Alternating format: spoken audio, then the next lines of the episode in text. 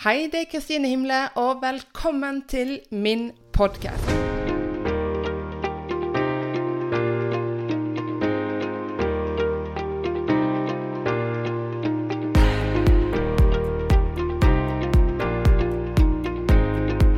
I dag er jeg så heldig å ha med meg en gjest i podkasten min. Ei kunnskapsrik, ærlig og etter min mening svært dyktig dame som jeg har blitt eh, kjent med det siste året. Min tidligere coach og nåværende Instagram-venninne Martina Stråda. Um, Martina driver egen bedrift som livsstilscoach for kvinner, og står bak bedriften Empower Coaching, som hun driver sammen med sin kjæreste Henrik Aukland som hjelper menn med deres livsstilsendringer. Powerparet pakka sekken i fjor for å utforske hvordan det er å bo i utlandet. Det ser ut som de stortrives der, og bor nå i Bali. Velkommen, Martina. Det er så hyggelig å ha deg her. Tusen takk. Det var en veldig koselig intro. Jeg vet som vi driver med mange ting, og det gjør vi jo. Det gjør det. Veldig, Veldig mange ting.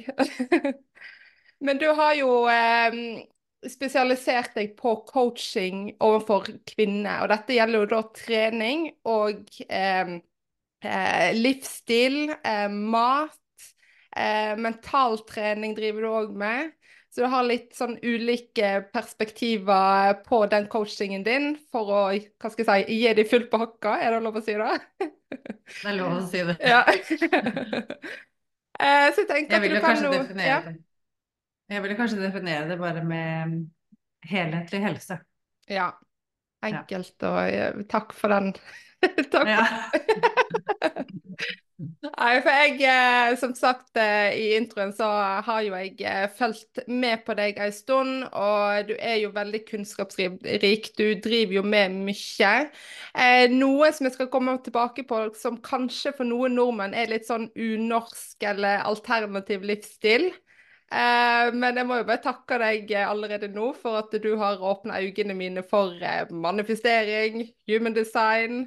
Eh, Jeg trodde til tider kanskje jeg hadde en ADHD-diagnose, men eh, nå skjønner jeg etter hvert som jeg har blitt kjent med mitt human design, at eh, det er bare sånn jeg er. Men kan ikke du starte litt med å fortelle hvordan du har eller hvorfor du har starta din bedrift som livsstils, livsstilscoach for kvinner? Det kan jeg gjøre. Yes. Um, nei, altså Hvor begynner man? man begynner kanskje med at li livet har skjedd selv, og at eh, trening har egentlig vært en sånn livsbøye i mitt liv. Um, og også egentlig kosthold, uh, men mest av alt kanskje den følelsen av å føle seg bra.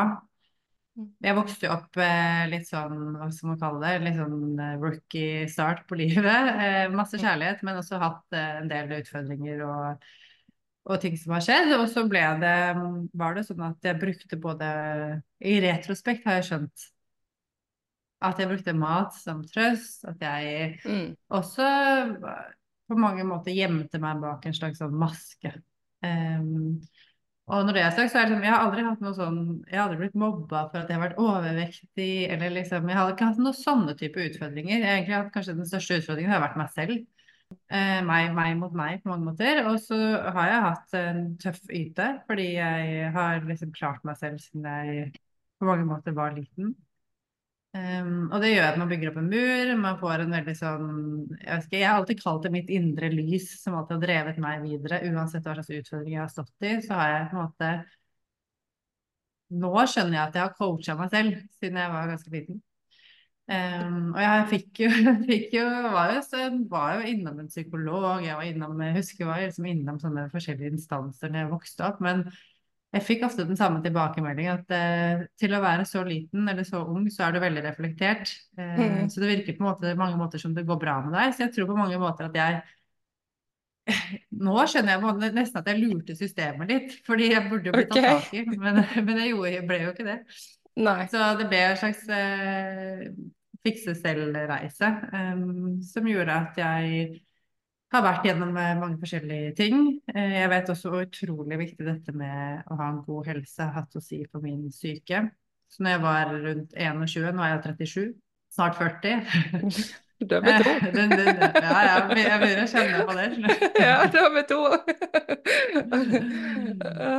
Nei, så når jeg liksom kjente at um, Men jeg var i, i 20-21-22 år cirka, så Mm. var jeg ganske overvektig og tok et stort uh, grep om livet mitt. Mest av alt fordi jeg fikk beskjed om at sånn her var, var jeg. Det var liksom Dette er sånn Det var liksom sånn korta jeg hadde fått utdelt i livet. Uh, Jeg var ikke helt enig i det, så jeg fikk en uh, Jeg hadde en liten sånn eye-opener. Eh, Jeg faktisk for første gang stoppa og så meg selv i speilet eh, naken. Mm. Jeg fikk en sånn aha-opplevelse, og jeg føler at det ikke er en bryter eh, som sa bare at eh, det her går jo ikke lenger. Sånn her du føler deg nå, sånn skal du aldri føle deg.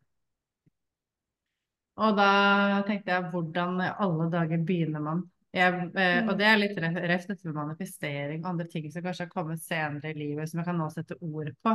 Eh, på det tidspunktet så hadde jeg ikke noe ord for noen ting, det var bare ting som dukket opp i mitt sinn. Hvordan lære, hvordan skal jeg gjøre det? Hvor begynner man når man skal angripe en situasjon, og du vil gjøre det helt alene? Og jeg var ikke der at jeg bare egentlig ba om hjelp eh, av noen. Det var ikke min fremgangsmåte. Jeg fikser selv. Det er bare, hvem er det jeg kjenner som har A, gått ned i vekt, eh, gjort endringer? Ok, jeg ringer tanta mi. Jeg husker at de hadde vært på sånn Grete Rode-kurs noen år før. Eh, og hadde fått resultater, men om de vedvarte, det er en annen sak. Men, men jeg husker i hvert fall det veldig godt. Ringte, fikk eh, beskjed om at det må du på kurs til, og ja, litt sånne ting. Eh, sa at det, det tror ikke jeg. Jeg tror jeg bare fikser det selv. Bare send meg, bare send meg oppskriften. Blueprintet. Så herlig. Så da startet egentlig den interessen for eh, kosthold. Um, Mm. Og også helse på mange måter. Men det begynte på mange måter som eh, å endre et utseende for å Mm. tro at jeg skulle endre hvordan jeg hadde det. Eh, Den dagen så la jeg meg ned på gulvet, tok eh, ti situps um, og bare begynte der og da. Det var det jeg kunne. Jeg tok to Mm. halvannen liter flasker med vann, fylte de opp, og så tok jeg noen armgreier. I don't know, jeg vet ikke hva jeg drev med, men noe drev jeg i hvert fall med. Jeg hadde til og med en venninne på besøk som lurte på hva skjedde nå. Jeg bare Nei, nei, eh, nå skal jeg komme i form. Herlig. Så jeg vet ikke. Men uansett, så um, lang historie kort, så var det egentlig starten på en reise hvor jeg fikk tro på at det gikk an å endre seg. Så jeg gikk ned eh, ganske mye vekt det året der. Mm. Eh, men så er det ingen som forteller deg hvordan i alle dager du blir der. Det, det, det må jeg bare si at det å gå ned i vekt i seg selv når man er i 20-åra, er egentlig ikke Det var ikke så vanskelig. Eh, Mm. Det som var vanskelig, det har jeg delt en del på Instagramen min, var reaksjonen til alle andre. Eh, Eh, Hvordan er- tenker du da? Hva, hva reaksjoner fikk du? Hva gjorde det med deg? Nei, jeg kan tenke, Man er jo ganske sårbar da, når man er eh, Mm. 21 år.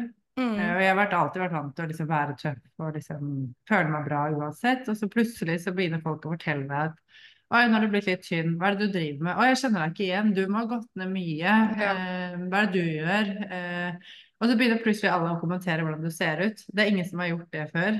Så det var sånn todelt. Det ene er at uh, shit, jeg hørte bare eh, Nå ser du bra ut. Jeg bare, ok. Hvordan faen så jeg ut før da? Og det er det du hører, ikke sant? Det å kommentere noens kropp er jeg jo ganske imot. Uh, Mm. Og av god grunn, fordi du vet ikke helt hva, hva den personen som tar imot kommentaren, hører. Og i hvilken tilstand du er i den dagen du får den. Eh, Mm. Selv om det er ment som et kompliment, så ble alle komplimentene, all oppmerksomheten, alt det gjorde at jeg ble litt gæren, egentlig. Og jeg så jo akkurat den NRK-debatten eh, rundt dette med livsstilsendring og nyttårsforsetter, hvor bl.a. blant annet han Staysman beskriver Mm. egentlig det jeg også har beskrevet flere ganger selv, at du er ikke forberedt på at du skal få en identitetskrise. Um, at du skal på en måte plutselig alt det du på en måte Det du var, var plutselig ikke bra nok. Og Mm. plutselig blir du sett. Du, jeg opplevde som du hadde en høyere verdi, en høyere status, idet du Mm. plutselig så bedre ut. Og det merka jeg jo. Jeg fikk en høyere status i samfunnet. Plutselig slapp jeg å stå i køene, dro på byen, fikk masse oppmerksomhet, jeg slapp unna ting. Ikke sant? Det var bare sånne Mm. småting som skjedde gang på gang. Eh, som bare forsterka det derre ja, jeg vet ikke, jeg ble- egentlig litt først Syns jeg det var litt sånn hyggelig, selvfølgelig med komplimentene, og så begynte det liksom å gå litt sånn under huden min. Og det gjorde Det forstyrra meg egentlig ganske mye i lang tid, og det delte jeg aldri med noen. Eh, og da begynte jeg jo å skulle pushe grensene.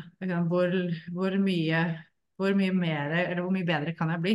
Så det som begynte som en veldig sunn tilnærming til helse, at jeg spiste liksom alt og trente variert, ble liksom en litt mer sånn manisk besettelse. Mm. Uten at jeg nødvendigvis så sånn ut, og det var det som var så vanskelig. Jeg følte at jeg levde som en fitnessutøver i så mange år, men jeg så ikke sånn ut. Um, og det var jo også veldig forvirrende. Ja. uh, huet og kroppen var ikke helt enig. Uh, og så tror man at man gjør alt rett. Og da på den, den, tiden der så var det ikke så mye Det var ikke noe Instagram eller noe jeg drev med. Jeg drev, fulgte på sånn fitnessbloggen og leste liksom litt her og litt der. Googla masse. Mm. Men jeg, tok, jeg, var ikke kildekritisk, så jeg bare ja. gønna på med ulike dietter. Spiste liksom perioder spiste jeg liksom så lite at jeg, jeg vet ikke, jeg falt av mølla. Jeg husker ja. egentlig ikke så veldig mye og ble syk. Um, og gikk jo ned i vekt og ble jo i bedre form, det var ikke det. Men det som var en sunn tilnærming, jeg trodde jeg var plutselig jeg, jeg hadde jo, Det var ikke noe annet jeg snakka om. I mange år så tror jeg det var mm. egentlig mitt største fokus. Jeg la om livet mitt etter når jeg skulle trene, hva jeg skulle spise. Mm. Til og med feriene mine var styrt mm. etter hva slags mat de hadde i det landet. Så det var en sånn eh, ja, intro til eh, ja. det jeg gjør nå. For jeg veit hvor tøft det er. Og jeg, jeg kommer til et punkt hvor jeg fant balanse, vil jeg si. Men det er jo fremdeles en kamp noen dager. Sånn er jo at hodet spiller deg et puss noen ganger. Man tror mm. man kanskje er eh, større enn det man er, på en feil mm. dag med feil trigger. Så det jeg liksom brenner for, er å hjelpe folk i den prosessen der jeg ikke fikk hjelp selv eh, som tok meg 16 år. Mm. Som kanskje kan nå hjelpe noen på et år eller på kortere tid. da, Å ha noen å spare med. Eh, men også slippe altså Folk kommer til å gå på smeller og prøve og feile og holde på. Det, det skal man gjøre på mange måter. Men mm. det fins en raskere vei til mål, da, mener jeg. Og det jeg har skjønt i litt mer voksen alder at det det starter med, er aksept for seg selv og litt mm. mer kjærlighet til den man er. Så kommer vi mye lenger, og det er liksom derav dette med helhetlig helse, da, og ikke bare trening, kosthold, men egentlig bare hvem er du, hva vil du, eh, mm. hvordan har du det, og hvordan mm. skal du takle endringen på veien. Um, for det er ingen som forbereder deg på akkurat det, hvis du googler. Nei, absolutt ikke. Ja, nei, absolutt ikke. Og jeg kjenner meg veldig godt igjen i historien din òg. Jeg hadde en annen form for spiseforstyrrelser, kanskje, men det der å hele tiden jage etter ny kunnskap og teste ut nye treningsformer, funker da bedre? Trene enda mer, ete enda mindre, sant. Og så ikke ha den der støtten rundt seg. For det, hvor skal du få den støtten? Jeg har prøvd psykologer, men det var ikke noe hjelp å få der. Eller jeg følte i hvert fall at det ikke var riktig hjelp for meg. Eh, så skal du klare alt det, dette sjøl, da. Det er jo ingen rundt deg som skjønner hva du tenker, og hvorfor du gjør som du gjør. Eh, så jeg syns det er bra at vi har sånne som deg på alle måter. At du kan be den støtten for dem når de virkelig trenger det. For som sagt, det er enkelt å gå ned i vekt, eh, men prosessen som skjer i hjernen din, den er ikke alltid like enkel å håndtere. Alle tanker og følelser som kommer opp. Eh, da veit vi godt begge to, for å si det på den måten der. Mm. Ja. Og så kan man jo si at det er altså, lett og lett. Jeg skal, ikke, jeg skal ikke si at det er lett for alle, for det er det ikke. Eh, og alt er avhengig av hvor lenge man har på en måte vært i en tilstand hvor det Og grunnen, grunnen da, til at man er der man er, er. Um, mm. Men det er på en måte som jeg brenner, altså virkelig brenner for, det er jo at det fins én måte for alle. Mm. Eh, og når jeg har vært i det spacet i så mange år, litt på sidelinjen, så ble jeg til jeg har blitt provosert så mange ganger. Mm. Det er så mange jeg bare lyst til å si hei, det er ikke sånn her man gjør det. Hvorfor er det alltid en A4-løsning? Hvorfor er det alltid liksom en slags oppskrift? På kom i form på tolv uker, gjør ditt, gjør datt. Og så sitter jeg og liksom sutrer på sida og klager over hva som står. Mm. Og så skjønte jeg til slutt at det gidder jeg ikke lenger. Jeg må si noe. ja. eh, eh, så det ble sånn både det å hjelpe mennesker, så det gjør jeg jo én til én, men også mm. mer og mer gjennom sosiale medier og podkast og andre ting. da. Ja, men det er det som jeg føler med deg. Jeg følger jo veldig mange treningsdamer altså som driver med coaching eller er personlige trenere eller hva enn de driver med. sant? Det er så fokus på trening, trening, trening, men det er lite snakk om alle prosessene som vi var inne på. Sant? Hva skjer, hva er lurt? Eh, du snakker jo òg mye om eh, syklusen til eh, kvinner, f.eks. At Jeg føler at du har en helt annen stemme enn mange av de andre coachene, og jeg følger mange, som sagt.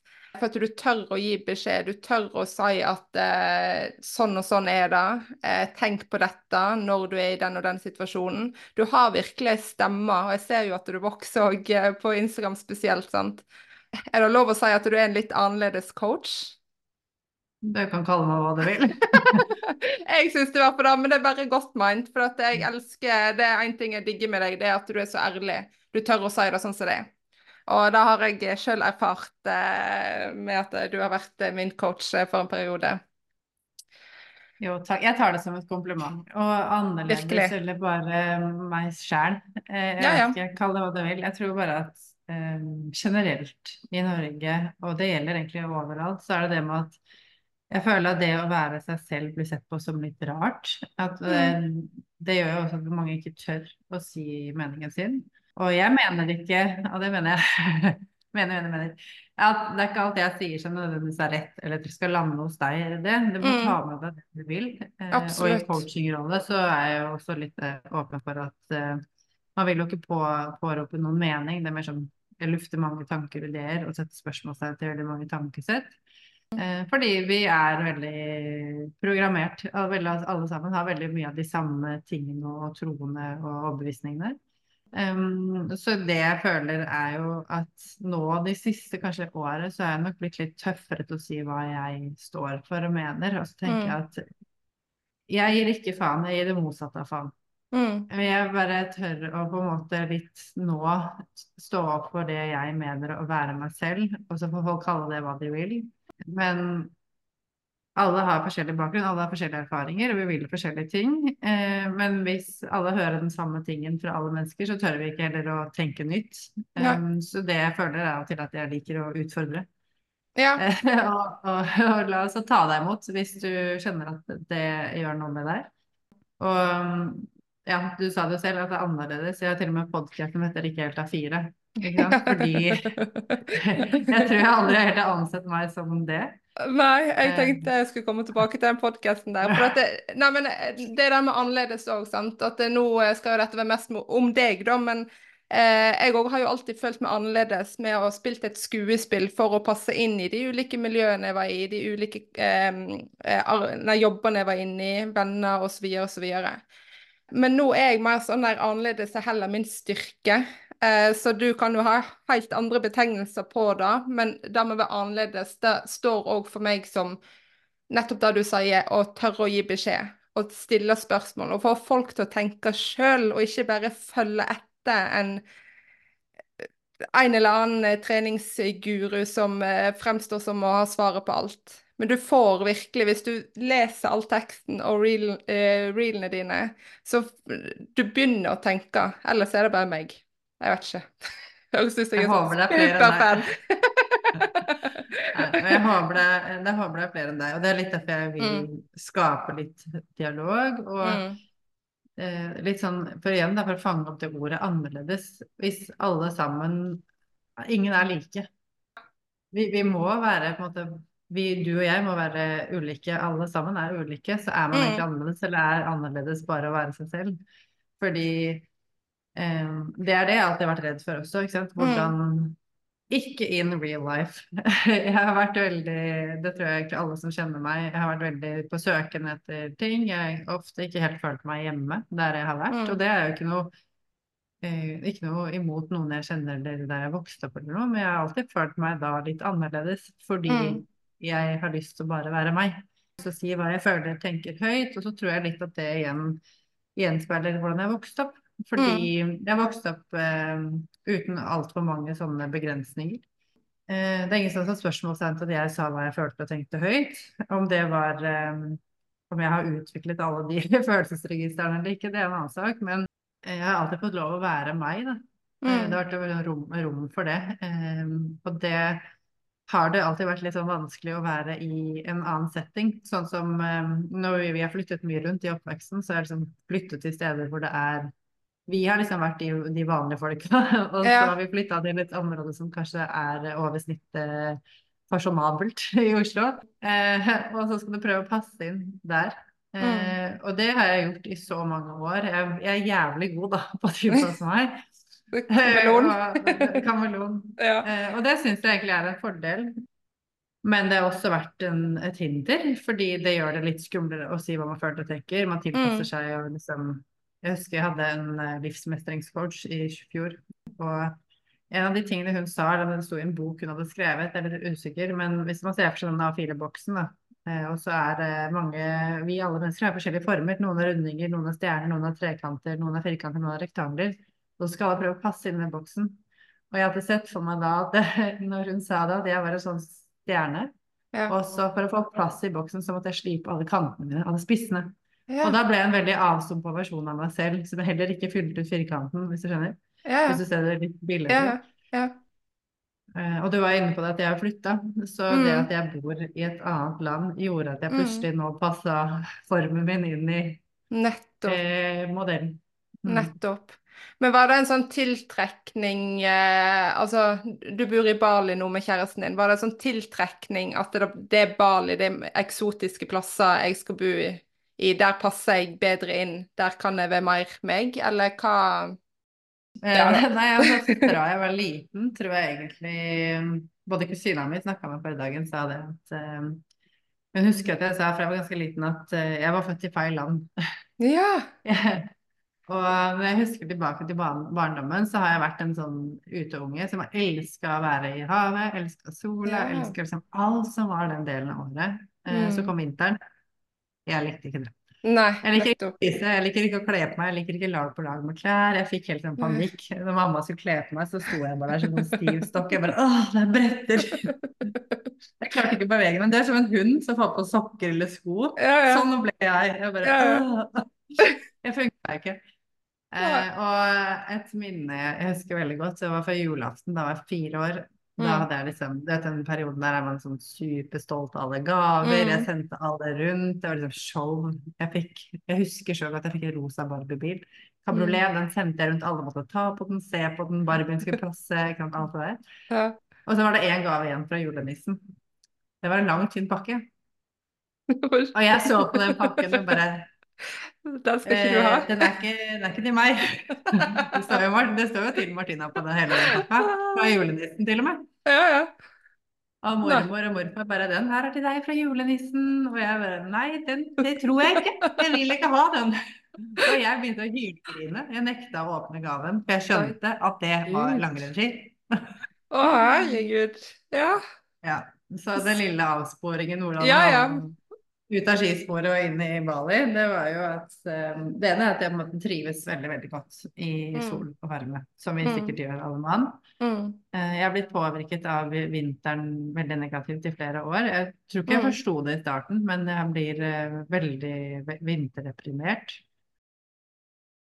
Mm. Um, og så har jeg på mange måter alltid trumfa gjennom det, fordi jeg har et gir til som alltid overstyrer. Mm. Mm. Eh, rett det med å alltid pushe gjennom. Så har jeg skjønt de siste, senere årene at jeg kanskje jeg ikke må pushe gjennom alt. Kanskje det Mm. går an å faktisk oppsøke det som gjør at man føler seg bra. Eh, og litt det med å være konkurrent i forhold til det jeg står for, da, helsemessig, er at hvis jeg skal ha det best mulig, så er jeg nødt til å ha omgivelser rundt meg som matcher det. Um, og så hadde vi um, Etter covid, så, som så mange, mange andre, fikk man litt tid til å tenke, da. Så vi gikk eh, mye tur. Og da var det akkurat i starten der i mars, så var det veldig fint vær. Så jeg Mm. var ute et par timer hver dag og gikk tur. Uh, og begynte å forstå at uh, jeg fikk tenkt ferdig tankerekker som jeg ikke hadde gjort før. Nettopp. Det skjer jo når man får litt, uh, stopper opp litt. Ja. Og begynte å, å sparre med meg selv litt mer hva som skal til for at jeg har det bra. Hvilket liv har jeg lyst til å leve? Mm. Eh, og da jeg gikk og hørte på for første gang i mitt liv, begynte jeg å høre på podcaster. Ja. Eh, som var en effektiv måte. Jeg elsket å lese bøker, men hadde ikke tid til det når jeg gikk tur. Sjukt bra å høre podcast. Walk and pod. Ja, ja, ja. Så jeg ble veldig inspirert av eh, mange podcaster, og så, Mm. som ledet opp til at jeg leste en bok som heter The Code of the Extraordinary Mind, av en som Mm. heter Vishen Akiani, som jeg fulgte da som podcast på noe som heter Mind Valley.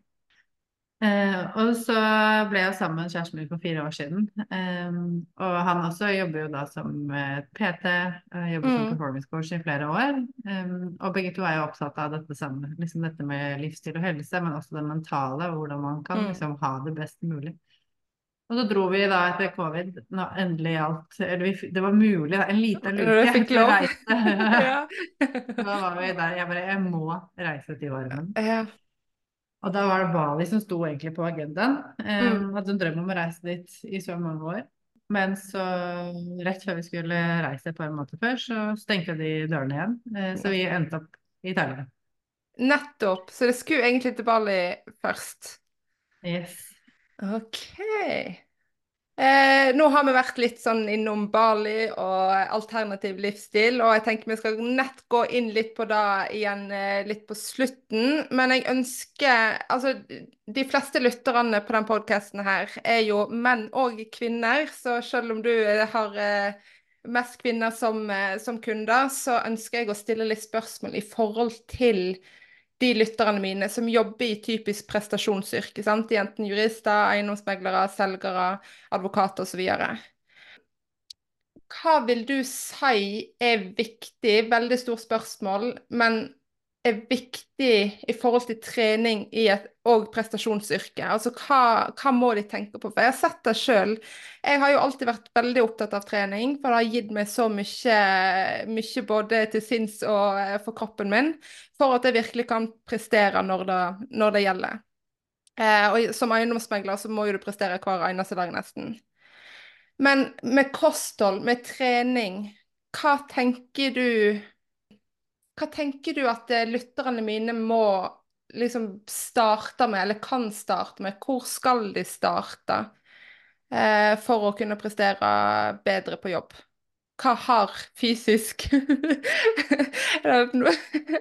Litt sånn flåger og sånt i ballen som vi ikke er kjent med her, ser jeg. Jeg ble bare angrepet av en Ja, det mygg. sa du. Å ja, mygg. Hvor skal en begynne? Ja, det er jo et du? lite spørsmål, da. Kjempelite. Altså, jeg har jo sånn- jobbet eh, i ja. bransjen selv, Ja. som leder i mange, mange år. Ja. eh, Og har jo alltid brukt trening for flere grunner. Mm. Det ene er jo fordi når man har mye stress, det er mye som skjer, man skal ha energi, så tenker man ofte at man har ikke tid, så man må spare energien, men Mm. det er feil.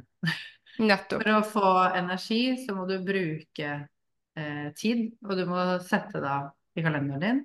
Mm. Eh, og det er mange grunner til det. Det er selvfølgelig disse helse, altså det er stort helseaspekt. Mm. Eh, det å trene på en sterkere kropp og få en kropp som takler livet. Mm. Og man er mer enn bare jobben sin. Man er jo ofte da en mamma eller en pappa, man Mm. er en eh, kjæreste, man skal være en kollega. Man skal være veldig mange roller i det løpet av en dag. Så hvis man tar på seg den, eh, den energien man har, bruker den opp, spinner den ut på åtte-ti timer på jobb, og så er det ikke noe mer igjen, er det da Mm. livs, har du livskvalitet? Så jeg, liksom, jeg tenker at alltid ta et steg tilbake, spør hva er det du vil ha, og hvorfor. Hva er det Mm. du vil ha energi til? For det er det eneste De fleste sier til meg man vil gå ned i vekt, og så vil man ha energi, og så vil man bli en treningsperson. Ja. Så spiser litt sunnere. Så sier jeg ok, det er jo veldig vagt. Ja. Eh, men på mange måter så er det jo det at hvis du vil ha energi, hva vil du bruke den til, da? Det er mitt spørsmål. Hva vil du bruke den energien til? Vil du bare pøse den ut på jobb så du tjener mer penger? Hvor, hvilke Mm. verdier er det du har? Um, fordi det er veldig fint å ha mål, da har vi noe å jobbe mot, men vi må også vite hvorfor vi vil ha det. Hva er det du vil ha? Hva er det du ønsker å oppnå med den energien? Da? Mm, så det, Man må nesten begynne der og stille seg de spørsmålene som er tre hakk tilbake. Ikke bare hva skal du gjøre og hvorfor, men hvorfor er det viktig for deg? Hva vil du Mm. bruke en sterkere, friskere kropp til? Mm. Eh, Er det fordi du har lyst til å gå eh, Du har sett for deg et bilde at eh, til ferien så har du lyst til å gå med mannen eller kona di opp et fjell. Mm. Mm. Eller venner, og ikke være den som henger bakpå. Eh, er det fordi du faktisk har lyst til å være et godt forbilde for barna dine? Og leke og være til stede, og til og med kanskje for barnebarna dine? Og være den Mm. kule grandmaen som går opp og har energi som 80-åring? Eh, for jeg tror veldig mange overlever og glemmer å liksom sette på maska si og faktisk leve. Eh, men hvis jeg liksom skal summe det ned til noe, så vil jeg si at eh, det er veldig egoistisk å ikke ta vare på helsen sin. Ikke bare for Mm. Ikke bare for deg selv, men for Mm. familien din, for de du er Mm. glad i, for de rundt deg. Så mener alle har det ansvaret. De må ta på seg det selv. Å si at man ikke har tid, det blir sånn for meg en veldig dårlig unnskyldning. Fordi vi har, vi har ikke tid til å føle oss crap der borte. Vi har ikke tid til å være utbrent, vi har ikke tid til å havne på sykehus, vi har ikke tid til å bli syke, eller liksom alle disse tingene. Men vi, vi glemmer liksom å se litt sånn langsiktig Eller vi har veldig sånn kortsiktig glede. Eh, Mm. og smerten er på en måte ikke stor nok, ikke sant? fordi den er kanskje litt langt unna. Så det å eh, En er å ha det til store hvorforet. Så jeg ber alle mine kunder eh, skrive ned 50 grunner, og det oppfordrer jeg dine lyttere til nå også. Ja. Skriv ned 50 grunner til hvorfor det å ha en god helse er viktig for deg. Hva vil det bety? Vil det, hvordan vil det endre livet ditt? Hvordan kan du møte opp i ditt liv på en bedre måte? Om det er på Mm. jobben din, familien din, deg selv. Eh, er det fordi du vil føle deg mer selvsikker? Mm. Og veldig mange svarer på disse tingene med Begynn med de overfladiske tingene. Du vil Mm. gå ned i vekt, kanskje. Mindre midjemål. Ha Mm. dressen din sitter bedre, så ikke de knappene spriker under meglermøtet. Du er keen på å føle deg fjong og eh, fresh i kjolen når du trapper inn på et Mm. salgsmøte, eller du skal stå foran en hel forsamling og holde et Mm. foredrag. Du er keen på å føle, føle deg selv. Eh, og det vil mange, de tør kanskje ikke å sette ord på det, men hvorfor er det viktig for deg? Gå liksom noen dag tilbake i hvert eh, svar, fordi der Mm. ligger kjernen. Vi har kanskje gått ett-to pakk inn. Vi, Mm. vi, det er ytre ting, men de er dessverre ikke så veldig sterke drivkrafter over tid. Um, du må vite hvorfor. Det må forankres i noe i deg, da. ditt verdisett, eh, en følelse. Mm. Sånn at for de fleste så Jeg har gjort denne øvelsen her selv, og jeg gjør den egentlig ofte bare for å være aligned på en måte med hva jeg gjør, Mm. og hvorfor jeg gjør det jeg gjør. Eh, Men hvis det f.eks. å gå ned i vekt representerer at du kan gjøre eh, Og jobb da er viktig for deg, karriere Mm. f.eks. Ok, gjør det at du stiller opp mer på jobben. Kanskje det gjør at du tør å ha, være hardere i en forhandling. Kanskje du tør å være mer sjarmerende i en Mm. meglersammenheng. Mm. Eller at du tør å liksom eh, stå litt mer på krava. Betyr det at du kan kle deg annerledes som gjør at du opplever selv at du bærer deg bedre i en, i en situasjon? Eller Mm. gjør det at du faktisk føler deg mer sexy naken, som gjør at du tør å ta mer plass i et Mm. rom, eller bare foran samboeren din, for den saks skyld? Så det er liksom gå noen, eh, gå liksom noen runder med deg selv og finne ut hvorfor først. Og når du har gjort det, så kan du jo selvfølgelig velge treningsformer basert på det du ønsker å oppnå.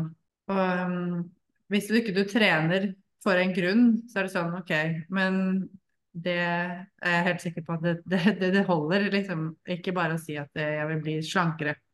Men å trene for å ha bedre kognitiv hode, være mer påskrudd, ha et bedre liv, altså finne andre grunner enn utseendebaserte grunner. Eh, velge å Da er det sånn at da, når vi blir eldre, så mister vi muskelmasse. Og det, tre det trenger vi for å starte seg litt. Vi trenger det for å ha en forbrenning, vi trenger det for at alle funksjonene i kroppen vår skal fungere optimalt. Så om du ikke bare har en sånn grunn, så må du også øke kunnskapen din. Forstå hvorfor dette med å ha Mm. f.eks. muskler er viktig. da.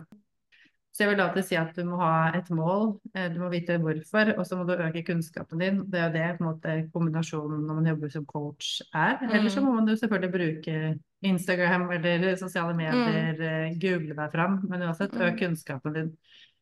Men å trene styrke eh, for at du skal ha en sterk kropp som takler ikke å løfte vekter, men å takle det Mm. du skal gjøre etterpå. Måke snøen. Nå er det mye snø i Norge. Du må måke snø utenfor å i ryggen.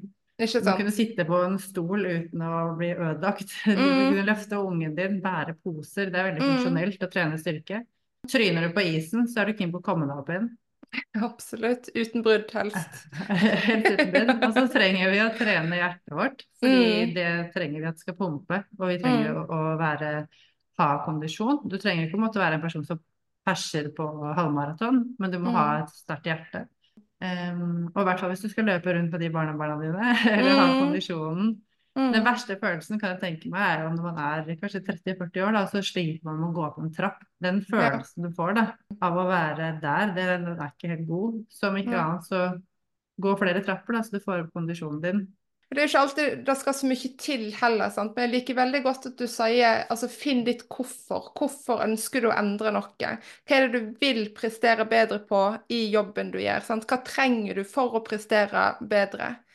For det er jo en av grunnene til at jeg er litt imot uh, nyttårsforsetter. For at det nå bare Å, nå skal jeg bli kjempeslank, jeg skal gå ned så og så mange kilo, jeg skal gjøre dette og dette. Så er det full guffe ifra 2. januar, sant. Og da ser jeg litt igjen eh, i de jobbene jeg hadde før òg som eiendomsmegler spesielt, at eh, Hva skal jeg si?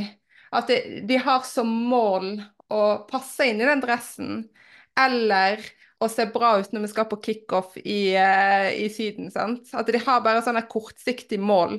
Og så blir det mer som et stressmoment enn å se på fordelene med, å bli sterkere, med å trene styrke, med å trene kondisjon osv. At det blir bare én ting til du må gjøre oppå alt annet du har å gjøre. sant? Og det har jo Da mister du all hensikt, sant. Da blir jo kan jo trening bli mer en sånn stressfaktor. Og du holder i hvert fall ikke ut i det lange løpet hvis du tenker å gjøre det på den måten der. Så finne hvorfor. Hvorfor ønsker du å trene sånn og sånn? Hva trenger du for å prestere i din jobb? For å prestere hjemme? For å gjøre din hverdag til din hverdag, holdt på å si. Hva, hva trenger du? Mm. Mm. Og jeg tror veldig mange også eh, tar den liksom på en måte stegen. Hva kan jeg gjøre for å bli bedre på jobben min? Men spørsmålet ja. er det bare jobben din som er viktig, eller, er du, eller må du liksom havne der at man må krasjlande på sofaen når man kommer hjem, mm. eller er du keen på litt energi etterpå også? Mm. Jeg tror veldig mange tror de må liksom få enten eller. Men det å ha et mål er jo bra. Det vet du jobber med salg. ikke mm. Og som mm. eiendomsmegler så har man jo mål. Man jobber mot disse målene, og man mm. uh, jobber Men det er alltid en prosess. Et salg er en salgsprosess. Mm. Er man jurist, så er det en prosess man skal til for at den personen mm. eh, man enten forsvarer eller det, det firmaet man jobber med, mm. Skal på en måte få det resultatet de ønsker. Så jeg mm. tror liksom man må lære seg å like prosessen. fordi nå er det sånn at livsstilsendring, dette sier jeg alltid til folk, mm. det, er, det, er, livet ditt. Du skal mm. lære deg å like livet ditt. Du skal ikke nå en, en, et fjelltopp. Fordi greia er at uh, livet ditt er ikke et fjelltopp. Livet ditt er liksom en evig rekke av mange fjelltopper du skal på en måte nå. Så mm. det å lære seg å like å gå i fjellet er en fordel, da. Hvis du skal mm. gå på disse fjelltoppene. Mm. Det er ikke bare å stå på toppen. Det er nettopp da. Og nå er jo både jeg og du veldig glad i styrketrening. Eh, og det er jo hovedsakelig der vi begge trener mest av.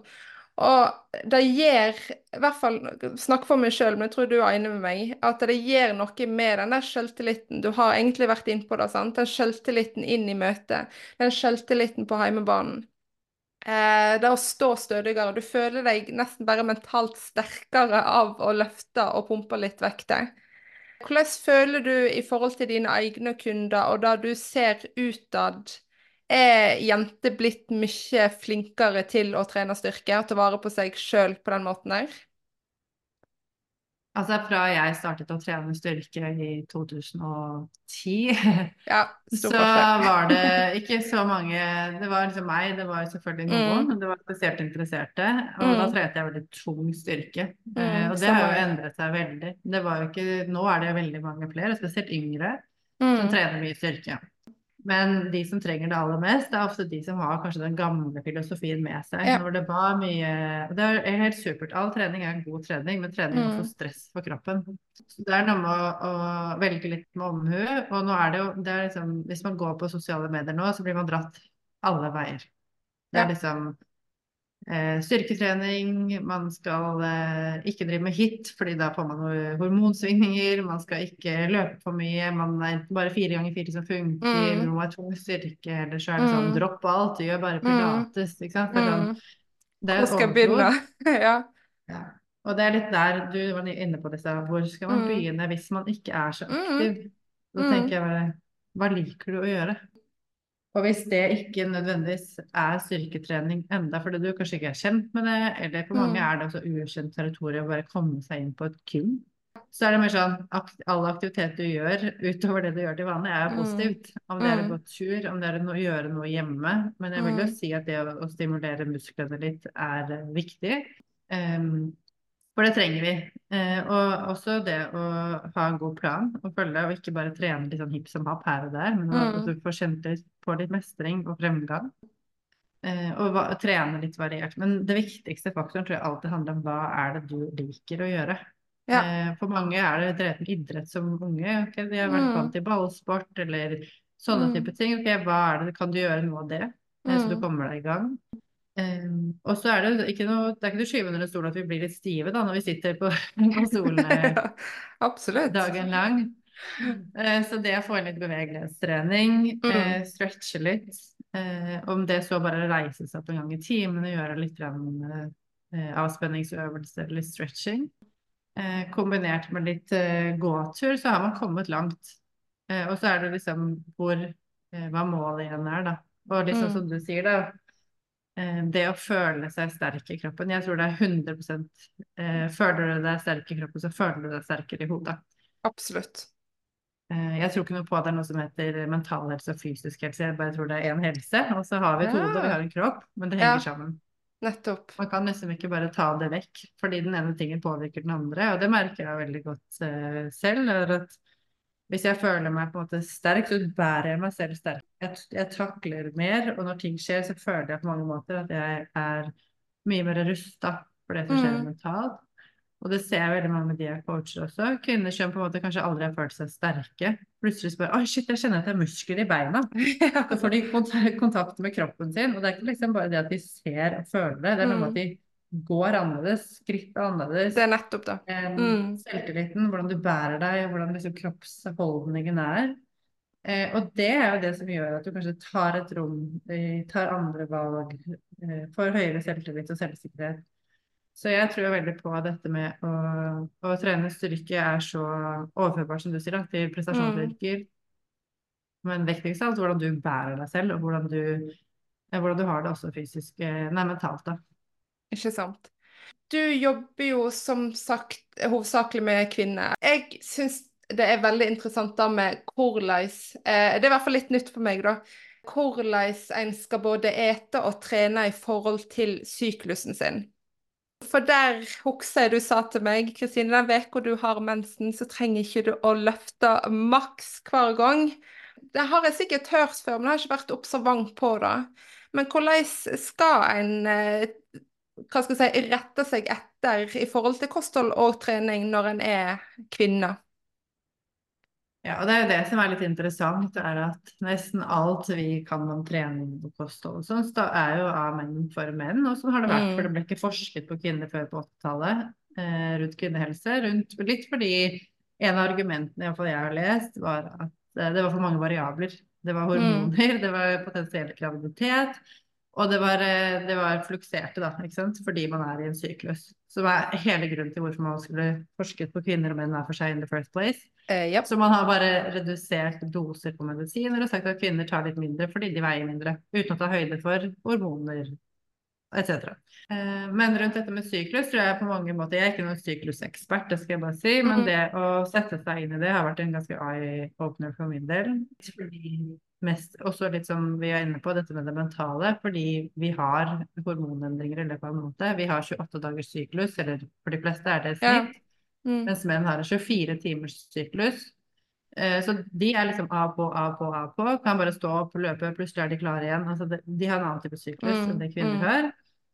Eh, Vi går gjennom litt sånn som det er sesonger ute, det er eh, månefaser, så går vi gjennom litt den samme eh, fasen som et år. Eh, og litt sånn rettelse rundt det. Du kan gjerne løfte tungt når du har mensen, men PMS-fasen, okay. perioden før eh, menstruasjon, så er det sånn at man dropper i produksjon av progesteron og østrogen, som er de kvinnelige kjønnshormonene. Når de går litt eh, ned, så har vi det ofte litt annerledes. Og for de fleste opplever jo da å ha endring i humør, i kroppsvarme, i puls. I lyst, i mental helse. Um, veldig mange craver jo da mer mat.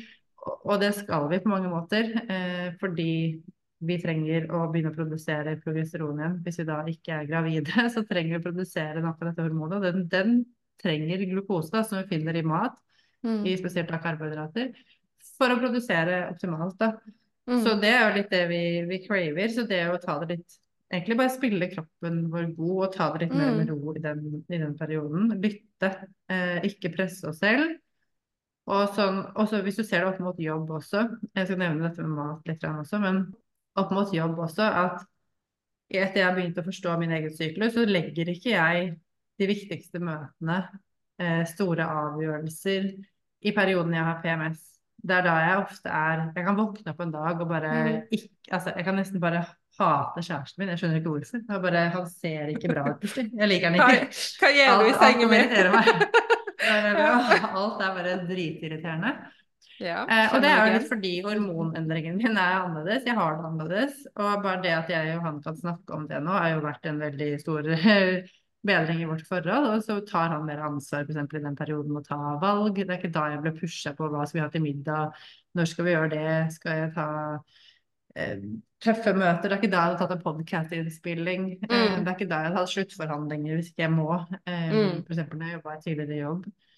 Eh, men jeg hadde spilt meg selv god, prøvd å unngå det akkurat de dagene der. Der er folk Mm. forskjellige. Noen merker ingenting, så selvfølgelig, bare lytt til din egen kropp. Men Mm. oppfordringen min er lær å lytte. Mm. Men igjen, øke litt kunnskapen. Og jeg har lest flere bøker rundt både PMS og syklus. Eh, Jeg vil anbefale å sjekke ut en som heter Iselin Larsen, som har noe som heter syklusmagi. Ja. Som var egentlig en veldig sånn fin forklaring for min del hvordan disse ulike fasene påvirker oss. Eh, Og nå også kommer det mer og mer forskning fram i forhold til dette med trening og kvinner i toppidrett osv. Hvordan de kan tilpasse og periodisere annerledes, eh, og ikke Mm. det samme som menn. Fordi vi er annerledes. Det er litt det, da. Mm. Og det er en av de tingene jeg på en måte også pusher på. Bare hei, du er dame. Det er liksom bare fantastisk bra. Stå for det, men gi deg selv også muligheten til å være nettopp det. Ikke prøv å presse deg selv til å være noe du ikke er, da. Mm. Og vi er forskjellige, menn og kvinner.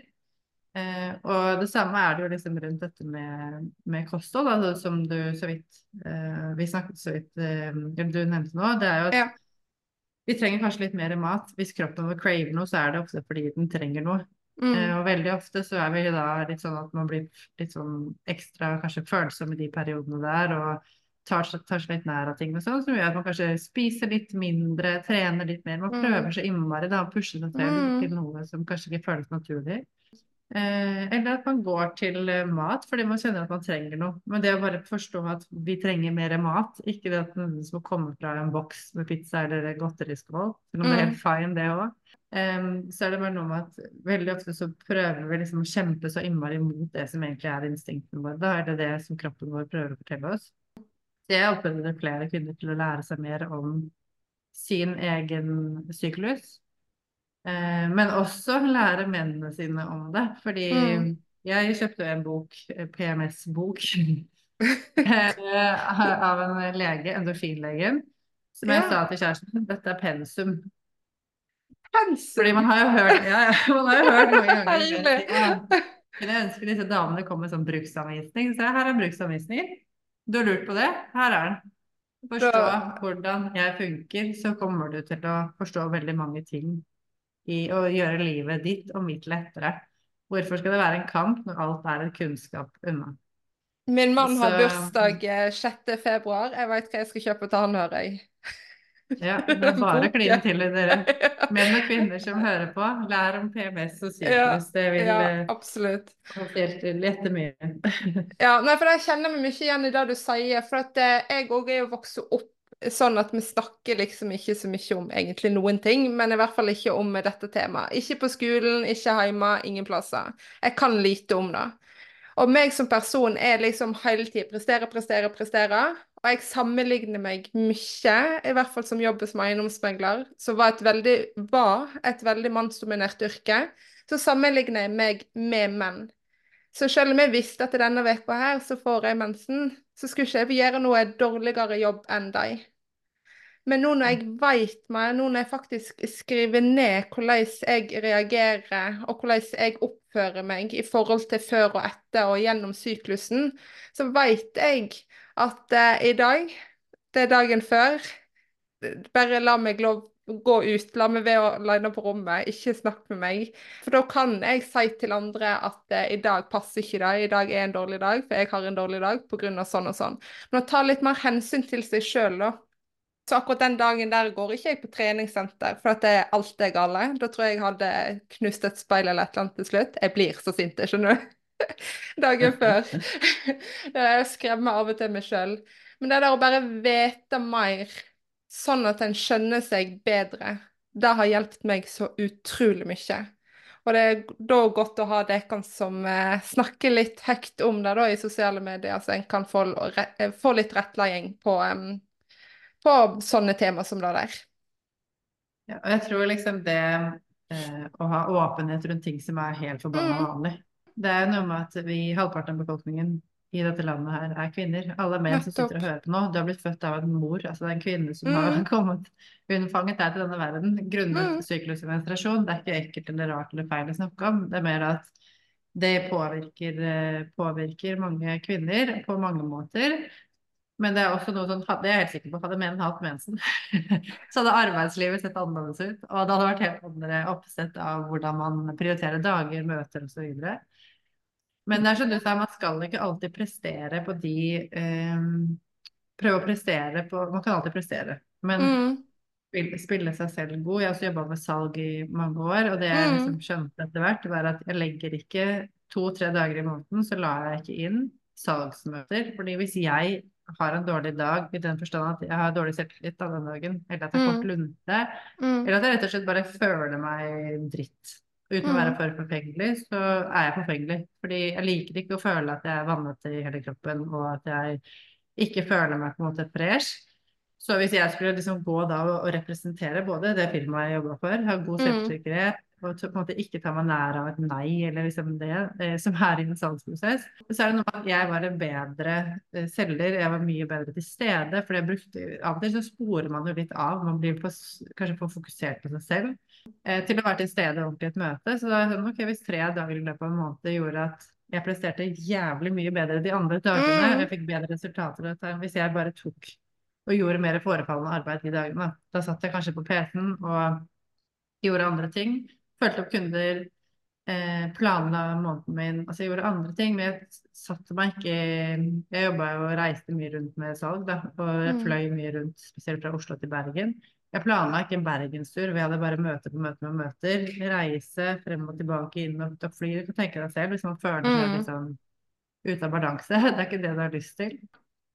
Så det er egentlig bare sånn Når du har et verktøy altså du, Så lenge du har kunnskapen om deg selv, eh, sett deg inn i det, sånn at du kan spille deg selv god og tilpasse det, så har du jo mye større odds for å prestere like mye, om ikke bedre, ved å på en måte periodisere deg selv på en måte, og energien din.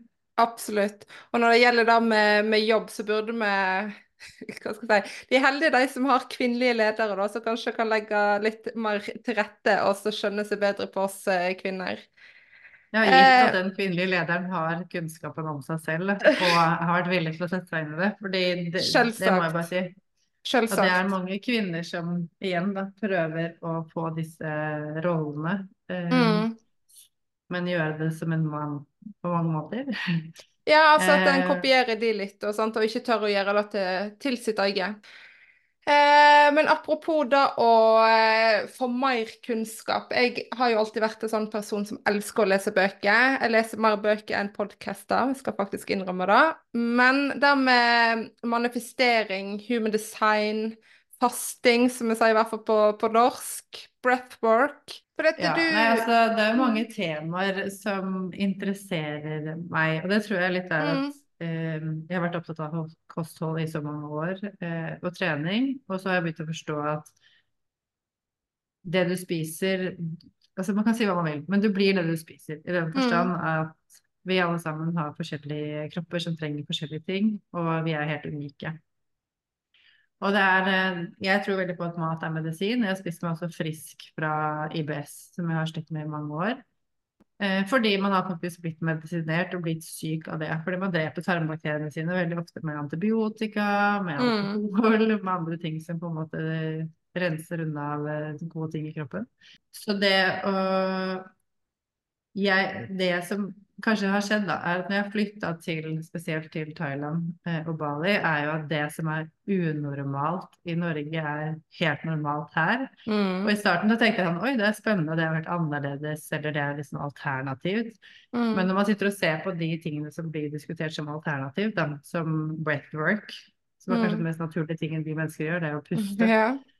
Um, eller sitte i en sauna eller isbad, eller alle disse Mm. tingene har jo blitt gjort siden tidenes morgen.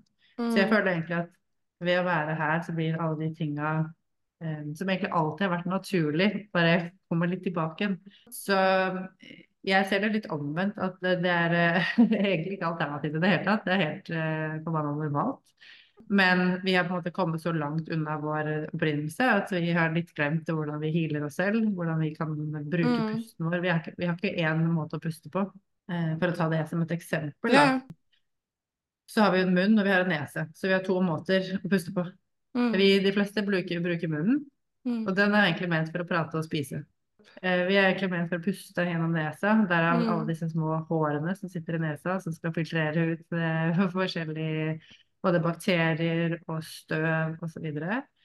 Men det gir oss også en roligere pust, vi får mer oksygen inn. Og hvis man bare prøver selv å ta noen dype pust med nesen og puster ut gjennom nesen, så kan det for mange være litt anstrengende fordi man ikke har gjort det for lenge. Men det vil Mm. også roe ned nervesystemet vårt. eh, Mm. Det som kalles det parasympatiske nervesystemet vårt. Ganske Mm. mye. Så det er en veldig effektiv måte, og det kan man måle ved å sitte med en pulsmåler, altså en pulsklokke, Mm. og puste da kanskje fem til ti ganger rolig gjennom nesen, og se hvordan pulsen kan gå, gå ned. Og for mange da, som er i en stressa situasjon, i jobb, man kjenner på eh, For mange er dette med at stress er litt subjektivt hvordan man føler det, men man trenger ikke å føle seg stressa for at kroppen er stressa. Det kan være at man er litt glemsk, det kan være at man ikke tar opp næring godt, at man eh, går opp i vekt, eller det kan være mange ting. Man kan rett og slett bare bli overveldet av ting som egentlig ikke er overveldende. Alt dette er jo mange tegn på stress, ikke sant? Mm. Eh, dårlig søvn osv. Men det ved å bare puste fem ganger eksempel, i løpet av en dag, kan være med på å roe nervesystemet såpass mye at du er med på å dempe da, dette, dette stresset. Mm. Og det er jo en ting som er helt gratis. Alle har, vi er utstyrt med et respirativt system som har flere funksjoner. Mm. Så det, og jeg er jo litt interessert i det nå, å lære noe mer og mer om breathwork, forskjellige måter å puste på, egentlig. Fordi jeg merker selv hvor effektivt det er for meg. Eh, Jeg ser jo hvor stort det er i de landene jeg bor i. I Bali så er det jo masse. Det er like mange breathwork-senter her omtrent som det er SATS sant, i Norge. OK. Eller EBO. Ja. Um, det, det er like vanlig. Yoga, Ja. breathwork, isbad, sauna. Det er på alle gym. Det er liksom overalt. Det er like normalt som det liksom, matbutikk omtrent er hjemme. Um, men disse tingene da, som man kan kalle alternativt, da, det er jo Mm. egentlig bare mange måter hvor vi blir mer i kontakt med oss selv, sånn jeg ser det. Mm. Hvordan du kan bli mer autentisk deg. uh, som vi var inne på i stad, å være annerledes eller bare være seg selv. Og det er mange måter å se på helsen på. Jeg er litt av den oppfatningen at ser man helhetlig på et menneske, vi har så mange aspekter, det har skjedd mange ting i livet vårt. Det Mm. kan være fra oppvekst, det kan være at man har blitt utsatt for vold eller Mm. overgrep eller mobbing eller sånne type ting, som skaper liksom masse forskjellige lag da, på denne løken, Mm. som er mennesker. Em, så av og til så trenger vi noe annet enn bare sunn fornuft, trening og det vi er rundt oss, for å åpne opp disse forskjellige lagene og komme til den underbevisstheten som vi er utstyrt med. Og det er der jeg kjenner meg veldig igjen òg, da. Fordi at eh, som du vet og jeg allerede har sagt i den podkasten her, sant. Hele tiden prestere, prestere, trene, trene, trene. Stresse kroppen enda mer. Men det er det siste året der jeg virkelig har gjort jobben med å meditere, sånn som jeg så på som alternativt. Litt skummelt, litt sånn uvisst. Hadde ikke nok kunnskap, hadde ikke lest noe om det. Bare det å skrive ned i boken hver dag, ikke som en dagbok, men liksom hvordan ønsker jeg å føle meg i dag? Hvordan sover jeg? Hva kan grunnen være? Altså reflektere litt mer, sant. Det er natt og dag. Det, det er som to forskjellige liv. Ja, jeg har alltid hatt fysisk trening, men det å ta den mentaliteten og virkelig gjøre noe for den og være mer til stede og prøve å være mer til stede, det er to vidt forskjellige verdener, i hvert fall i mitt tilfelle. Eh, og det er der det med eh, manifestering eh, og meditasjon spesielt for meg har vært et veldig viktig Ikke manifestering, men meditasjon.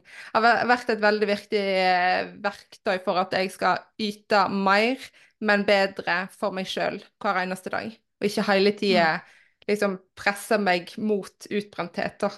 Som jeg er Mm. veldig flink til.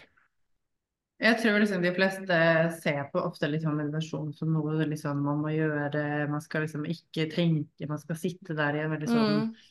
posisjon og veldig sånn At det er noe, det er liksom noe som krever veldig mye av oss, da. Mm. Um, og jeg har også tenkt på meditasjon som en litt sånn Er det sånn yogating? Jeg ser bare på at man sitter i sånn en lotus-stilling Ja, og i liksom skjort, skjortler.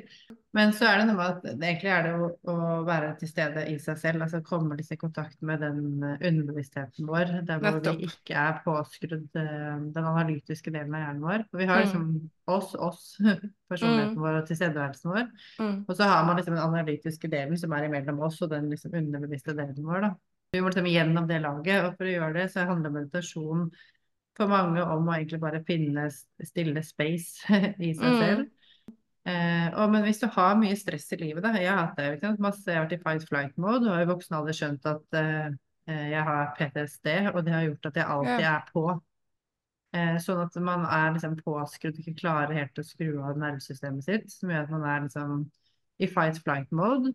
Og da jobber ikke kroppen så veldig godt med deg. Vi trenger å være i andre enden også, vi er i rest digest, hvor kroppen liksom hviler og eh, fornyer celler, rydder opp i systemet, fordøyer osv. Og, så og det er det mange kan være liksom fast i, eh, som gjør at de også ikke eksempel går ned i vekt, selv om de gjør alt riktig, Ja. Um, og disse tingene. Men det å, å finne meditasjon for en, for en person som har så mye stress i kroppen, kan være nesten umulig. Da kan det være bedre å være i ak aktiv meditasjon. Det kan jo Mm. være å stå på kjøkkenet og rydde Mm. eller eh, lage mat. Det kan være gå en Mm. tur.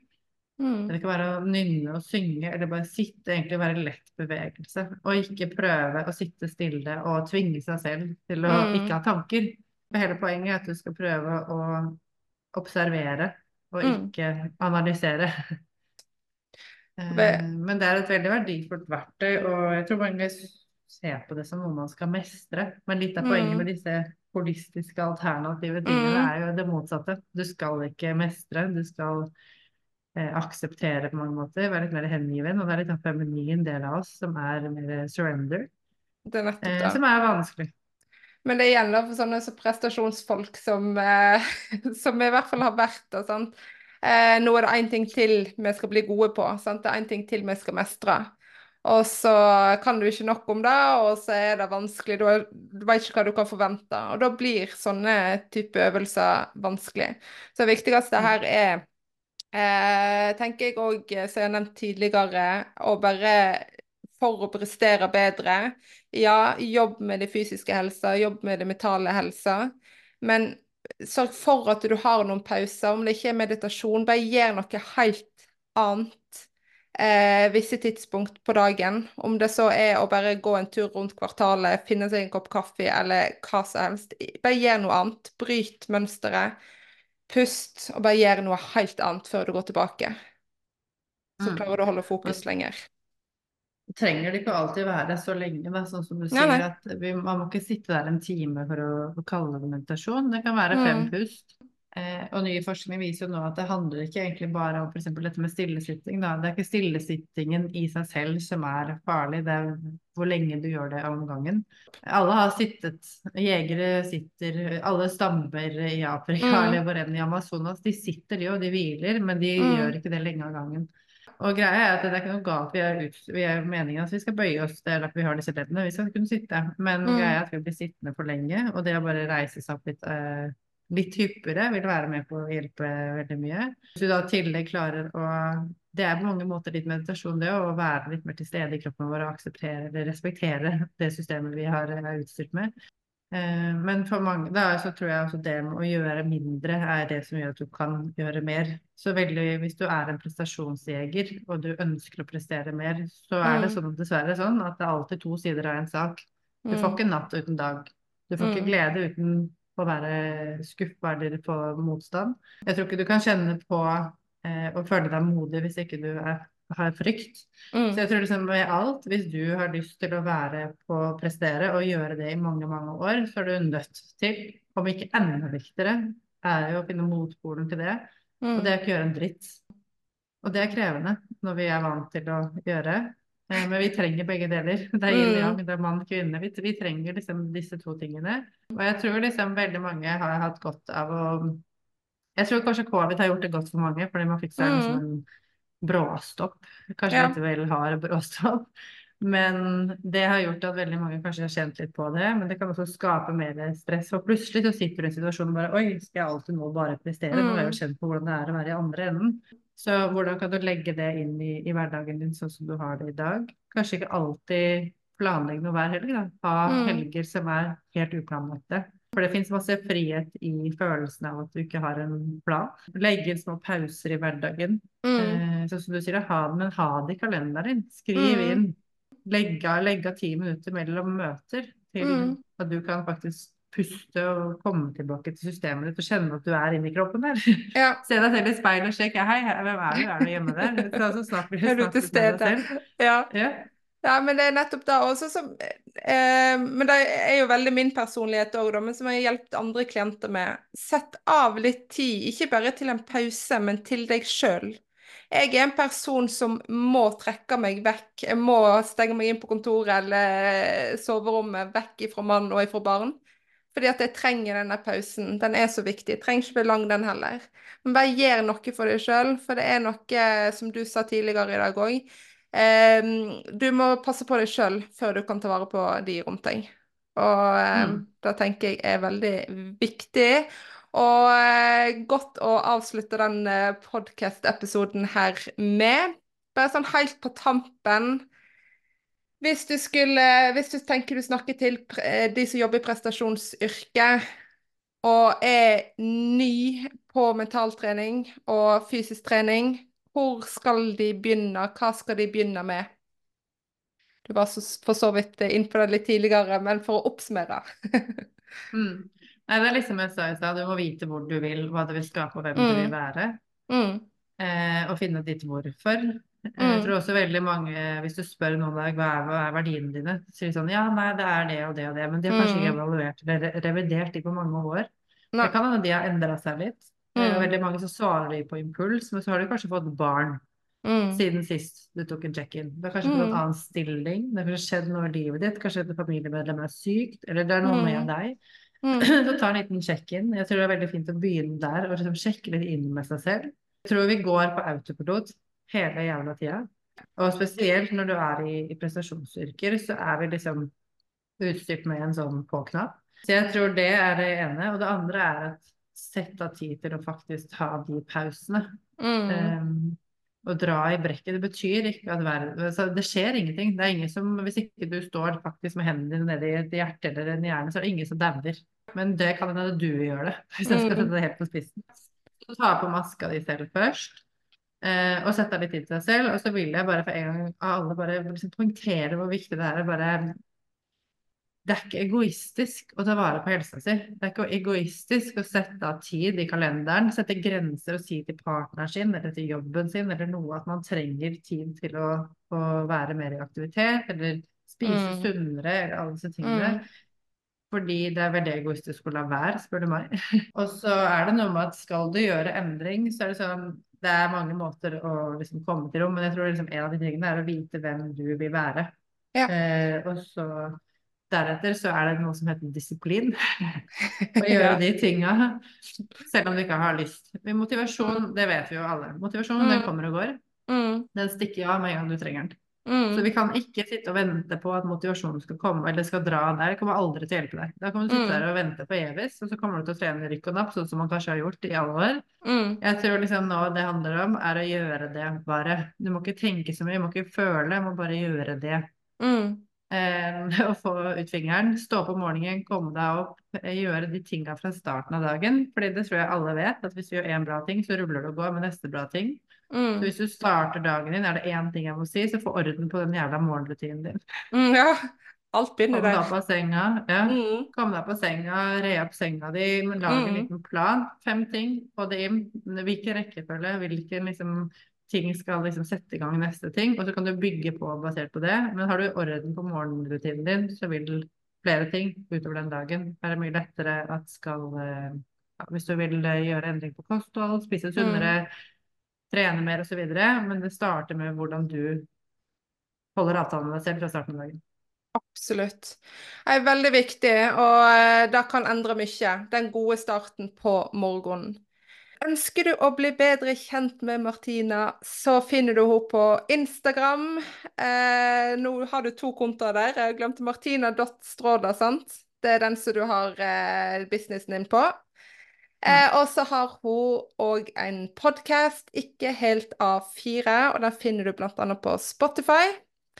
Eh, Jeg tenker at jeg elsker den tittelen der, for det er sånn som jeg har følt meg i alle år. Ikke helt A4, og det ønsker jeg heller ikke å være. Men eh, jeg takker så mye for at du tok deg tid til å være med på podkasten. Jeg sa til dere at hun var kunnskapsrik, så her har jeg fått eh, veldig masse eh, godt i podkasten. Jeg håper at det tar til dere mye av de rådene som kom fram her. Så tusen, tusen takk, Martina. Så eh, snakkes vi snart igjen. Takk, det samme. Og en liten oppfordring helt til slutt. Ja. Ikke bli skremt av at helse er noe man eh, på en måte må mestre. Gjør Ja. litt, bare. Og kjenn etter at eh, så lenge du trives med det og gjør noe bedre hver dag Vi er ikke 100 hver dag, men din dagens beste er alltid bra nok. Og så nå i Veldig, veldig bra. Og nå i januar, tålmodighet. Få det utover tid, og ikke bare nyttårsforsettet. Ha tålmodighet. Og så eh, går du inn på Instagrammen til Martina for å bli enda mer inspirert. Ta til deg disse rådene, og så snakkes vi allerede neste onsdag. Husk å abonnere på podkasten, så podkasten når ut til flere. Vi snakkes neste onsdag.